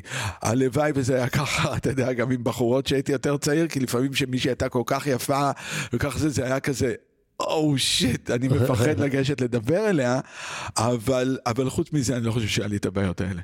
אז זה מדהים, כי זה בעצם למדת מה, מהשנייה הראשונה, כאילו, את המקום הזה של כאילו no fear, תתאגרף. כן, אני חושב שאם אני מעריץ מישהו, אוהב מישהו, מעריך מאוד מישהו, ברגע שאני רואה אותו, אני בא. ובגלל אולי ההיכרות הזאת עם המוזיקאים, כאילו היה לי חבר ברנרד רייט, הוא קלידן גאון, הוא נפטר השנה, לא משנה מי היה נכנס, היה נכנס סטיבי וונדר לחדר, הוא היה נכנס, Hello סטיבי, my name is זה, I love what you do, and I think you're great, וזה וזה, וישר מתחיל לדבר איתו עניינית. פשוט אימצתי את הגישה הזאת, אמרתי לו, אני גם אוהב איך שהוא מנגן, וחיכיתי את הנגינה שלו בבאס, הוא היה מנגן על סינטי באס, והוא כאילו, הוא השפיע על מרקוס מילר גם כן, הם גדלו באותו שכונה עם אותו גיל. ברנרד רייט היה אחד הנגנים שהכי הרצתי, ואני ראיתי אותו ניגש לכל אחד ופשוט מתחיל לדבר איתו. אז אני חושב שאולי האנשים היחידים שהייתי כזה in awe, והעדפתי שזה יישאר ככה. זה פרינס שעבר לידי כאן, ניגנתי עם המועדון שעבר לידי כאן, ולא העזתי לדבר איתו, אמרתי, הולי שיט, נו, היית מתפורר לתוך עצמך, ברור. אה, אני חושב מדונה, שהייתה גם כן במועדון מתי שנקרא, ולא יצא לי להיות איתה, אני מנגן איתה. יש לנו דואט בין שהיא מדברת לבין fretless bass בתקליט של דיפאק צ'ופרה, נקרא אה, רומי of Love, Gift of Love. אה, אבל... רגע, מה זאת אומרת? לא לא הבנתי, זה דואט שמדונה ואתה, אבל לא נפגשתם? לא. הוקלטתם כאילו בנפרד? כן, היא הקריאה את ה poetry של רומי. הבנתי. ואתה... היה איזשהו ביט, והיא פשוט מקריאה, אתה. יודע, love me da da da. זה אני חושב היחידים שכאילו אמרתי וואו, אתה יודע, ואני חושב שהיה לי קל יותר ללכת לדבר עם מדונה, כי אני פחות מעריץ אותה מאשר את פרינס. כן, obviously. הצדדים שפחות, נגיד שפחות עבדו לך, כי אתה בן אדם שהוא כזה של no fear והולך ומשיג את מה שהוא רוצה, לא תמיד אתה מצליח, כן, אבל אתה, המוכוונות שלך היא מאוד שם. יש איזשהו רגע שאתה יכול להגיד, בואנה, כיוונתי לשם, הלכתי לשם, לא עבד? איזושהי נקודה ספציפית? אני, אני בטוח שמלא, לא אגרתי אותם בזיכרונות. זה לא שלא השגתי את זה, הייתי על הדרך ולפעמים לא הגעתי עד לאן שכיוונתי. זה מעניין שזו שאלה שאפילו לא התעסקת בה אף פעם, לפי הפנים שלך. אני חושב שאם רציתי, אתה יודע, שהאקסנטריקס ילך יותר, כן. וזה הגיע עד מקום מסוים, אז זה היה בדיוק, אנחנו היינו בשיא שלנו, והיה 9-11. ההופעה הייתה צריכה להיות בתשיעי לספטמבר, ב-11 לספטמבר היינו צריכים לחזור כל אחד למדינתו. אבל לא היה לנו הופעה שבועיים וחצי לפני זה, ההופעה האחרונה שלנו הייתה ב-21 לאוגוסט בניו יורק, ואז אתה צריך לשלם מלונות.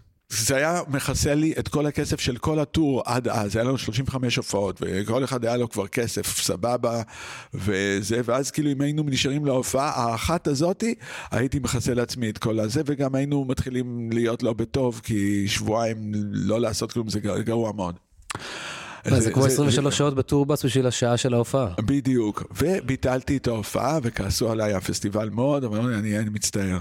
איזה מזל, אבל מה שקרה מיד אחרי 9-11 זה שאפריקאים לא יכלו לקבל במשך שנתיים ויזות להיכנס לארצות הברית. אה, לא ידעתי את זה. נכנסו לעיראק ואפגניסטן, אבל החוטפים רובם היו בעלי דרכון מצרי. כן. היה אחלה תירוץ לא לתת לאפריקאים ויזה, וזה כאילו עצר את האקסנטריקס לשנתיים, שלוש כמעט. שזה היה שנה, שנים קריטיות. כן, הייתם במומנטום, ב peak שלכם כבר. במומנטום, ב peak, בייחוד בארצות הברית. אז... אז כן, זה היה נורא מתסכל. וואי, איזה צורב זה. וזה גם לא קשור אליך, כאילו. לא, זה לא קשור אליך, והיה כל מיני נסיבות, אתה יודע. זה היה כזה, איי! זה אחד. וואו. אתה יודע, היה מלא מלא טרגדיות בשנים האלה לזה. אותו הדבר קרה עם המדבר הכחול בצורה אחרת, אתה יודע, היה לנו שלוש שנים. המדבר הכחול הרכב עם, אה, עם בן. בן אילון. התחלנו להופיע ב-2017, כן, זה היה נראה כאילו, כאילו אתם טירוף, טוחנים וזה, טה טה טה. עד סוף 2019, 150 הופעות. ומה, קורונה? בקורונה. בדיוק כשאנחנו הולכים להתפוצץ, חמישה booking agencies חדשים שחתמנו, היו לנו, היה לנו אחד ופתאום נהיו לנו עוד ארבעה בטריטוריות כל מיני וזה וזה. אתה חושב 150 הופעות עד אז, ואז מאותו רגע זה הולך להיות אולי רק 150 הופעות, אבל פי אלף יותר, אה, אתה יודע, כאילו, וזה, ובמכה אחת, טאק, אתה יודע, נסגר. אתה לא וואו. מבין את זה בחודש הראשון, חודשיים הראשונים וזה, אבל באיזשהו שלב יש לך שתי אפשרויות עכשיו, או להתבאס ולהגיד וואי וואי וואי איזה התפספסות, או להודות. להודות על מה שהיה ולהבין שעכשיו משהו חדש. אבל למה לא חזרתם בעצם לנגן אחרי קורונה? אמ, אני חושב שבאיזשהו שלב, זה בדיוק, זה, אתה יודע, השלב של האש, הכל התקרר והתקרר, המים התקררו והתקררו והתקררו עד שזה הגיע למצב שזה אפילו לא טעים לשתות את זה, אתה יודע, קר. ואני מדבר על כל אחד אישית. כן. כי לפני זה היה לנו איזה מין מטרה, היינו מכווני מטרה. אמ, אנחנו עבדנו ביחד, אתם הייתם, אתם הייתם... אתה היית בהופעת בכורה, על מה אתה מדבר? אתה ראית אותנו בהופעת בכורה שלנו. כן? כן. אנחנו היינו ביערות מנשה. אה, וואו. ככה נפגשנו. כן? כן, אתה לא היית מופע. רק אתה ומתופף. היינו ווטרנייבס, כן. אני חושב, היה לך looper או... לעופר, היה לי אפקטים, כן, היה מופע אלקטרוני של ווטרנייבס. ואני רואה אותך מופיע על הבמה, במת מגידו, אני חושב שזה היה נכון? כן, טוב. ואני רואה אותך מופיע. וזו ההופעה הראשונה שלי שאני הולך כאילו, אני לא הולך לנגן בס, אני הולך לנגן רק גיטרה. נכון, עכשיו אני נזכר, נכון. ואני רואה אותך מנגן בס עם כל האפקטים, ואני אומר, טוב, זהו, הנה, מזל שאני מנגן גיטרה, כי אחרת הייתי עולה ו- ואני כבר לא הדבר היחידי שעושה את זה, אתה מבין? כאילו... זה מעניין, כי אני אמרתי לעופר, אני זוכר, oh my god, אחריי הולך לעלות יוסי פיין, אני כאילו... ואני כאילו מנגן בס ואני כזה, עזוב, כאילו, אל תופיע פשוט. ואמרתי כזה, לא. זה, זה, היה שם רגע כזה ש... אז אני כאילו, אתה מבין, זה מהצד השני של הזה, ואני עולה ומנגן רק גיטרה, ואני חסר ביטחון לחלוטין בקטע הזה. כי נכון, זוכר, אני... הסתכלתי לכם מאחורה, נכון, עכשיו אני זוכר את הבמה הזאת. אני כל הזמן הסתכלתי רק על הגריב של הגיטרה, כן. אתה יודע, כי אני, אין לי את הביטחון הזה עכשיו של כן. ועוד לא, להוביל את, ה, את הדבר הזה וכל זה, ידענו לנגן רק שישה קטעים. ניגענו רק שישה קטעים, רק כן. עשינו אותם ארוכים. כן. חצי שנה ניגענו רק שישה קטעים, עד שנהיינו ממש טובים בזה. כן. אתה מבין, זה היה כאילו משהו חדש. ועכשיו משהו חדש בחזרה. אז מה עכשיו הדבר החדש בחייך? אמ, אני חושב ש... יצאת, יצאת מהחולי של החודש. זה עוד, בהת... זה עוד בהתהוות, אבל זה לקחת את כל הניסיון הזה אה, ולעזור לאנשים ועסקים להתקדם בחיים. למה? אני יודע לעשות להיטים. זה skill שלמעט מאוד אנשים יודעים לעשות אותו. כאילו שהצורך שלהם הוא לייצר להיט, שזה כאילו, אני, החיים שלי למשך שנים היו תלויים ב... אם אין לי להיט, לא יקראו לי להפיק את האלבום הבא. כן. ואם יש לי להיט, אז לחלוטין יקראו לי להפיק את האלבום הבא, וגם זה לא בטוח. פגשת פעם את נייל רוג'רס? לא, אבל אתה נוגע בנקודה, וואו, אתה יודע, כאילו... הידוע בשם, בכינויו The Hitmaker. The Hitmaker. אז אתה יודע, אני כל כך אוהב את נייל רוג'רס, אני כל כך מזדהה איתו, יש בינינו אפילו איזה דמיון פיזי. בגלל זה אני אומר, יש, יש איזה משהו שם. כן, לגמרי. בתקופה, לא בתקופה ה-70's, זה בתקופה ה-80's, ב hitmaking, כגישה. בזה שהוא נשוי לבסיסט, in a way, במרכאות. לגמרי. אתה יודע. אני חושב שזה יותר גדול ממוזיקה. To know what is a hit. אני הייתי יושב עם אחמט ארטגון. וואלה. הוא היה חבר שלי בשנתיים האחרונות לחייו. הוא היה כבר בן 80. נגיד רק שזה מנכ"ל חברת אטלנטיק. הוא הרים את חברת אטלנטיק, הוא גילה והחתים את ריי צ'ארלס, את אריטה פרנקלין, את לד זפלין, ג'ו קוקר, הוא הפך את הסטונס להיות uh, הסטונס, כן. את מיק ג'אגר, הוא הפך את פיל קולינס להיות, והוא סיפר לי פשוט, מזה uh, בג'נסיס להיות פיל, פיל קולינס. ה phenomena. בדיוק. Uh, הוא היה יושב איתי, כן. והייתי מגיע אליו פעם בשבוע, לפעמים פעמיים בשבוע, למשרד, והוא פשוט היה מעביר לי ידע. מי זכה בכל הידע הזה? הדג נחש. וואלה. כי זה היה בדיוק כשחזרתי לניו יורק, יאיר ניצני הכיר לי, הוא היה בניו יורק, הוא הכיר את אחמד ארדיגן מתקופת היותו בעד ארצי, ועד ארצי עבדו עם אטלנטיק, אז אה, כן. הוא התחיל להסביר לי על מה זה להיט. והוא אמר, אנשים חושבים שלהיט זה שיר קליט שמתנגן, ואתה כאילו, והוא קליט והוא נשמע כמו בעד, וזה, וזה לא להיט. אז מה זה להיט? זה משהו שאנשים רוצים, שהם חייבים שיהיה להם אותו. איך אתה מביא את זה לעסק, למשל? אה, זה תלוי בעסק. לא, זה תלוי בעסק, אבל... אם אני רואה שעסק מסוים, יש לו מוצר טוב, אבל המוצר הטוב הזה לא מגיע לשאר הקהל, וזה לא, לא, לא מגיע אליו, ולפעמים העסק כן משקיע בפרסום, אבל הם לא יודעים את ה... הם לא יודעים להגיע לקהל מסוים, הם לא מבינים איך הקהל הזה פועל, איך הקהל הזה רואה את זה וזה. אני בזה לא בכל דבר ממש, אבל בדברים שקרובים אליי, וזה לאו דווקא רק מוזיקה, זה יכול להיות, ב, אתה יודע, בחיים בריאים, בתודעה, באוכל מסוים, בבריאות, כל מיני דברים שאני מאוד אוהב להתעסק איתם. אני לפעמים מסתכל על זה, אני אומר, כאילו, על מה הם חושבים? על מה הם חושבים? זה לא מגיע לקהל. עכשיו, פיתחתי פשוט במשך השנים האלה, איך אני יודע אם זה להיט או לא? אני חייב להסתכל על זה רק כקהל. אני לא יכול להסתכל על זה כ... מישהו, אני מפיק, או אני המוזיקאי, כתבתי שיר, בטח שזה להיט, כי אני, אתה יודע, אם אני כתבתי, כל אחד שכותב את השיר בטוח שזה להיט, כי אצלו בראש זה להיט. ברור. אבל אני נמצא בקהל, מסעדה, זה לא משנה כמה היא פנסית או פשוטה. הרבה פעמים אני אוהב, והרבה מאיתנו אוהבים מסעדות פשוטות מאוד. אחרי כמה ימים אתה אומר בואנה אני חוזר לפה עוד פעם, אני חייב לחזור לשם, אתה מצלצל חבר בוא בוא נלך לשם, הוא אומר לשמה? בטח. למה דווקא למסעדה הקטנה הזאתי שקיימת 35 או 50 שנה, ולא למסעדה של השף ההוא שפתחו במיליון וחצי דולר? אבל היא לא להיט. היא פשוט מסעדה טובה. אז אני יודע, התשובה, אני יודע שהתשובה היא לא, אבל יש איזשהו רכיב סודי? זה החוויה. החוויה זה דבר מאוד סובייקטיבי.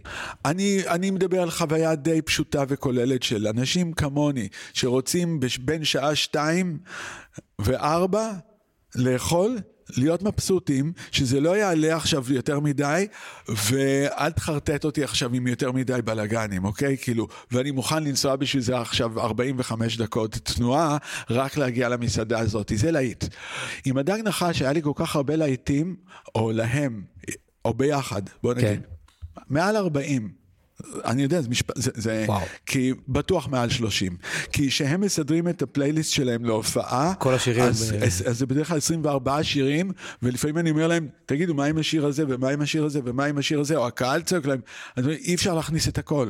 אבל גם כל אלבום שלהם זה מעבר לשירים, כל אלבום של הדג נחש הגיע לזהב ופלטינה. כל אלבום שלהם הגיע לזהב ופלטינה. אין אחד שלא. מהשבעת הראשונים שלהם לפחות, אוקיי? אין אחד שלא. אתה לא היית מהראשון. לא, לא הייתי בראשון, אבל גם הראשון ב... הגיע לזה עשר שנים אחרי. אתה היית מהשלישי? אני הייתי מהשני. מהשני. אוקיי? ובמשך 15 שנה, היה לנו רן של 15 שנה, שאני לא יודע, זה מטורף, כאילו, מפיק ולהקה, כן. 15 שנה, ובהיפ-הופ שכאילו, אה, מפיק יכול אחרי שלוש שנים להיות לא רלוונטי, או הלהקה הופכת להיות ללא רלוונטית. זה ש... רצנו 15 שנה, זה אני חושב, זה שיא עולמי במרתון. 15 שנה החזקנו מעמד ביחד, לפעמים הם איתי ואני איתם, כאילו, hands down, הם בחרו בי כל פעם. אבל מה שמעניין זה שאם אני זוכר את התקליט הראשון, ובהשוואה אליו את מה שעשית איתם בשני, זה כאילו מתבקש שכאילו כדי להפוך את הלהקה להיות יותר להיטית, או לעשות, להוציא מהם את היותר את הלהיט, אז כאילו היה מתבקש שצריך לעדן אותם, ואתה לא עשית את זה בהכרח איתם. אני לא יכול להגיד שה... יפה. או עם שב"כ סמך, אין איזה משהו שאומר, אין פה את החנופה, אין פה חנופת ההפך, סאונד. כאילו, ההפך. אתה להפך, אתה לוקח את האינגרידיאנט האמיתי שלהם, כאילו, וטוחן אותו. אמרתי ליניב דוידסון שבא לשמוע את החומרים באמצע העבודה, אתה יודע, אני כבר עובד איתם וזה, ואז הוא אומר, שמע, האלבום הראשון מכר אה, 9,000, והיה לנו, אה, אירחנו את מזי כהן, וזה היה סבבה וזה, אז אני כזה מסתובב אליו, ואני אומר לו, אני לא יודע אם אני אגיע ל-9,000. אני מתכוון רק ל-2,000 ילדים בני 16, שאהבו את שב"כ סמך והם אוהבים היפ-הופ, אבל זה הקהל שאני הולך אליו. אני לא מתחנף אליהם. אני לא רוצה שזה יהיה שום water down shit. אני רוצה שהם יאהבו את זה, והם יפיצו את זה החוצה. תקשיב, זה חתיכ- זה חתיכת ריסק. האלבום. מכר 48 אלף תוך חודשיים. הוא עבר את ה-40 אלף, תוך חודשיים הוא עבר את ה-40 אלף. האלבום השני זה עם גן התות, וזה? כן, כן. זה עם לזוז, ועם, לזוז, אה, כן. בדיוק, ועם לא פראיירים, אוקיי? תראה, איזה- קטע. כאילו מכל האלבום הזה, השיר שאני הכי אהבתי ואני זוכר זה דווקא גן התות שהוא הכי לא... לגמרי, גן התות זה כאילו. זה שיר מדהים בעיניי והוא בעיניי השיר הכי טוב באלבום וכאילו וכולם יגידו כן זה אלבום לא פראיירים רק אני כזה זה עם הגן הצות ספציפית. כי זה בדיוק מה שמעביר אותך את החוויה. כשאתה מקשיב לאלבום, לא מזלזלים בך. נכון. בתור מאזין שאוהב מוזיקה. אם אתה אוהב מוזיקה, מי אוהב את הדג נחש מעבר לאנשים שאתה יודע, אוהבים את הלהיט? אנשים שאוהבים מוזיקה, ואסור לזלזל בהם. זה חייב כל הזמן, יש שם שיר בלה, בלה בליסימה. ברור. אז מבחינה מוזיקלית זה השיר שאני הכי אוהב אולי ב- באלבום, יש שם קטע אינסטרומנטלי, אתה יודע, לא זלזלנו אף פעם באינטליגנציה של הקהל שאוהב מוזיקה. זה גם בא לידי ביטוי בזה שהטקסט מספר את הסיפור של האישה הזו וזו הייתה אם אני זוכר נכון אולי האמירה הפוליטית החריפה הראשונה אם אני זוכר נכון אצלם. נכון. אם אני זוכר נכון, אני לא זוכר אם באלבום הראשון הייתה אמירה פוליטית ספציפית. פה היה משהו שמדבר על הומניטריות חרדית, ואישה. חרדית שקופצת על מחבל, יש פה אקט של הומניטריות שהם שמו את זה, לא, לא, במרכאות לא פחדו לדבר הומניטרי, שזה לגמרי. לא דבר כל כך... מ- ואחר טריוויאלי. כך, בעשר שנים שאחרי זה, כל שנה, שאנן קיבל, אתה יודע, עותקים של עבודות גמר של uh, תיכונים. כן. שאחד מהחבר'ה שם עשה, הם עשו על הבלה הזאת, כן. בעקבות השיר. אשכרה. אני ידעתי שמה שיהפוך את זה להיות מצליח, זה החוסר התפשרות והאיכות. למה?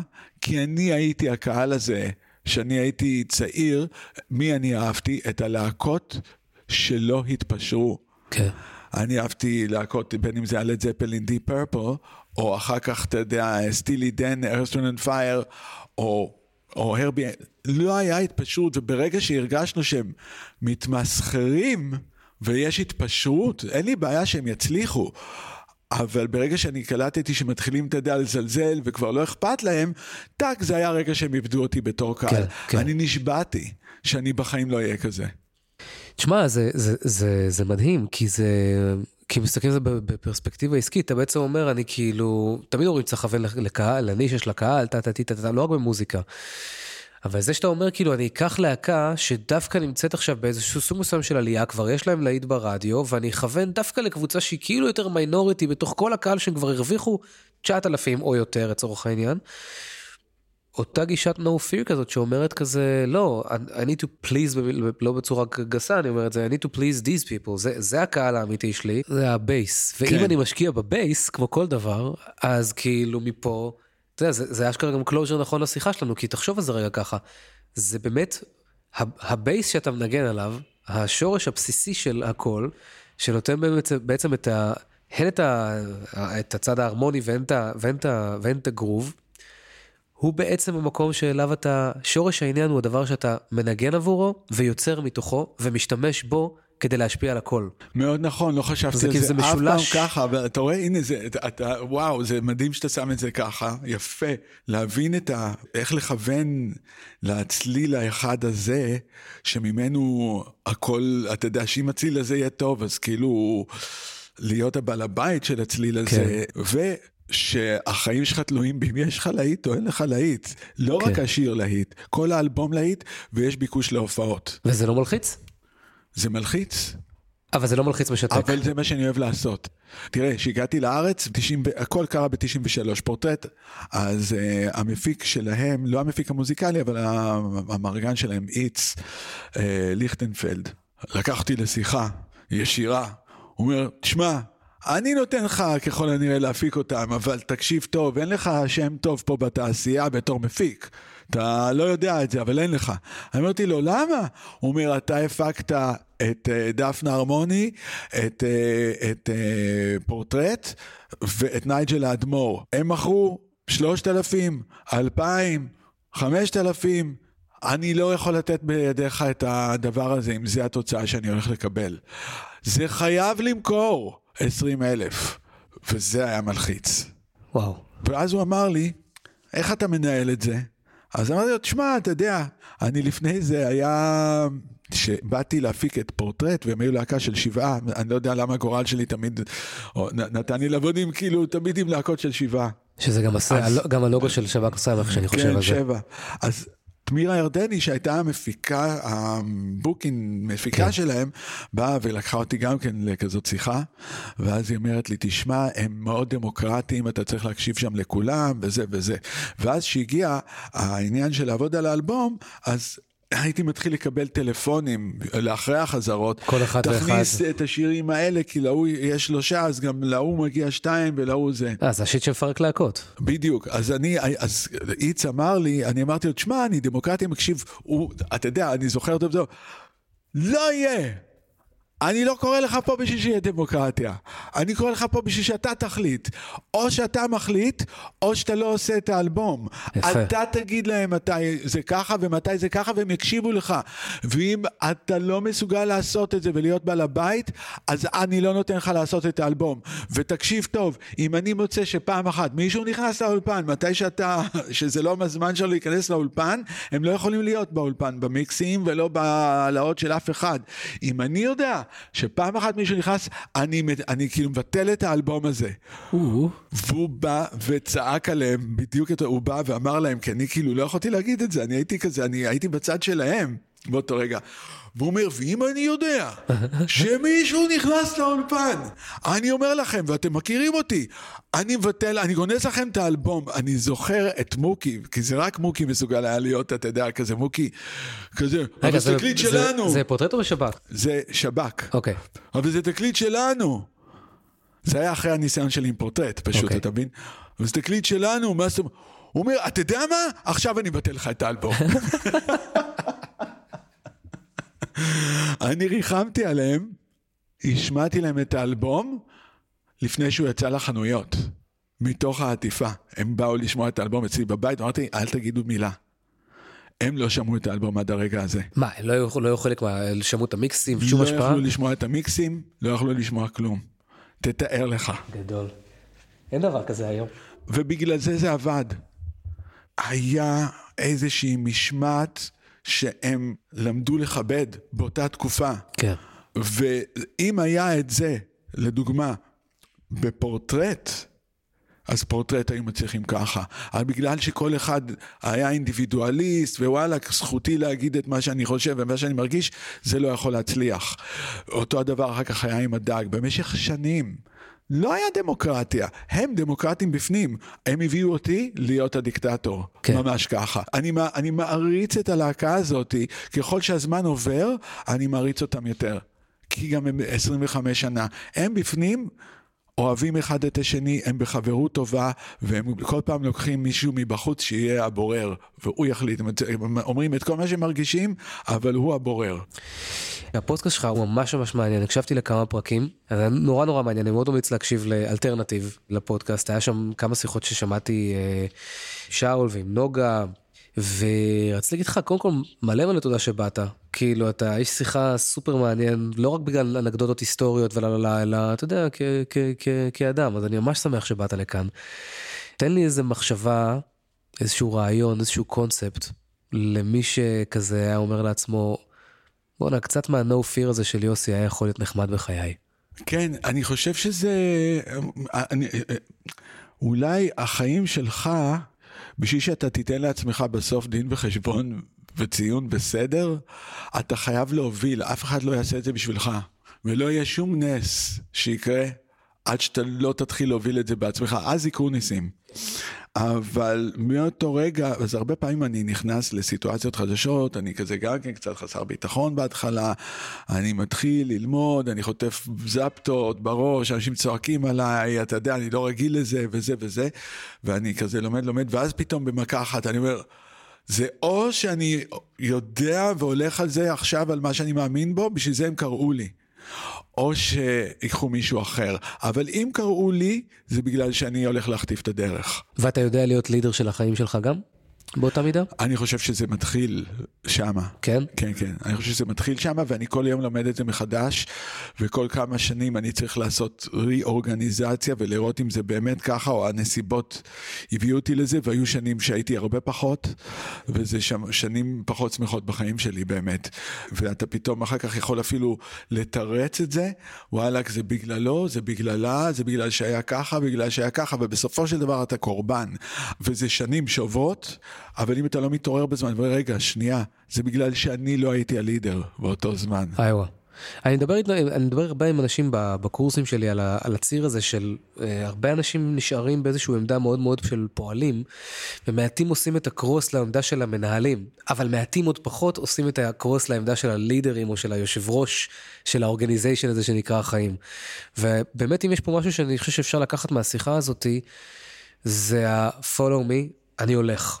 כאילו, וזהו. וזה הפולומי, אני הולך עם הלב, עם, ה, עם ההיגיון, עם הנכונות ליפול על האף, אבל אין אופציה אחרת למעט אני הולך, follow me. וכשאני אומר follow, אני מתכוון לעצמי, מי follow me. אז הנה המשפט הכי חשוב שלמדתי. וואו, בוא אני אתן לך פה משפט. תביא. אני, בייחוד ברגע של כאוס, בלאגנים, דרמה, בלבול, כל הדברים האלה ואתה לא יודע מה לעשות, אתה חייב להגיד לעצמך באותו רגע, אני יודע בדיוק מה לעשות. זה המשפט הכי חשוב שבן אדם צריך לדעת בחיים. גדול. אחי, מלא תודה. תודה רבה לך.